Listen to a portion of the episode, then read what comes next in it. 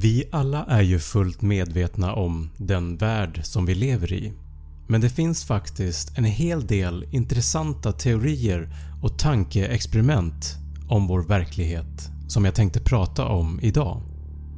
Så här kommer 5 skrämmande teorier om verkligheten.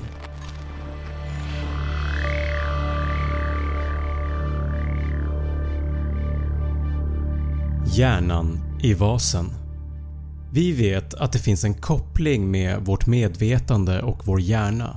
Vår hjärna fungerar genom elektriska impulser och är inblandat i det mesta som vi gör, känner och upplever. Tänk dig att man skulle kunna placera en hjärna i en stor vas med näringslösning. Den här näringslösningen inuti vasen skulle hålla hjärnan vid liv. Tänk dig sen att man kopplar ihop hjärnan med en dator som kan ge hjärnan elektriska impulser. Och eftersom hjärnan svarar på elektriska impulser genom yttre stimulering som får oss att känna olika sinnesintryck hur vet du då att du inte i själva verket är en hjärna i en vas som bara fantiserar ihop den här världen som du lever i? Alla sinnesintryck som du har kan simuleras till den grad att du inte kan skilja på om det är på riktigt eller inte. Ta dina drömmar som ett exempel. De kan kännas väldigt verkliga när vi är i dem men det är först när vi vaknar som vi inser att något var konstigt. Poängen är alltså du kan vara en hjärna i en vas som bara matas med falska sinnesintryck via elektriska impulser till exempel via en dator utan att veta om det.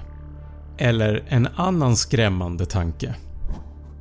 Det finns något som heter sensorisk deprivation vilket betyder att om hjärnan inte får tillräckligt med stimulans så kan det leda till att man börjar att hallucinera. Helt enkelt att hjärnan skapar bilder i brist på annan stimulans. Vilket kan betyda att du fortfarande kan vara en hjärna i en vas som inte får några elektriska impulser och då istället hallucinerar allting som du upplever i brist på stimulans.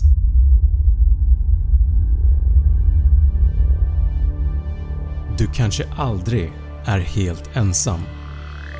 Tänk dig om det skulle finnas en 2D-person. Alltså en tvådimensionell människa. En person som endast lever i två dimensioner med en längd och bredd. Om vi skulle titta ovanifrån på en sån person så skulle den aldrig se oss och skulle aldrig veta om det och för 2D-personen så skulle den aldrig förstå hur någon skulle kunna leva i tre dimensioner som vi gör och titta ner på dem. Tänk dig nu en fyrdimensionell varelse. Den varelsen skulle kunna stå bredvid dig just nu i en fyrdimensionell vinkel som du aldrig skulle förstå och du skulle aldrig veta om det. Och precis som att vi skulle kunna interagera med 2D-personen om vi ville så skulle den fyrdimensionella personen kunna interagera med oss. Men så länge den inte vill det så skulle vi aldrig ens veta att en sån person existerar.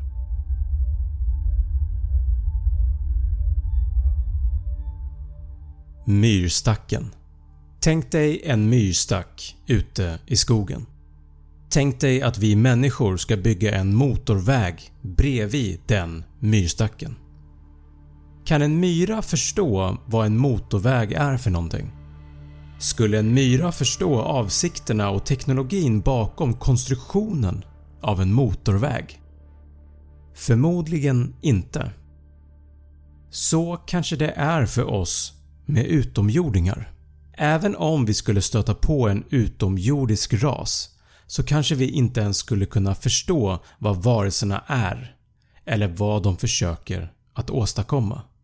Det är möjligt att de är så pass långt fram i sin utveckling och intelligens att för dem så skulle vi vara myrorna. Lika lite som du stannar och försöker prata med en myra så kommer inte en utomjording att stanna och prata med en människa. För att för utomjordingen så skulle det vara som att vi skulle försöka förklara för en myra vad en motorväg är. Bedövning När man ska genomgå en operation så får man alltid någon typ av bedövning eller narkos.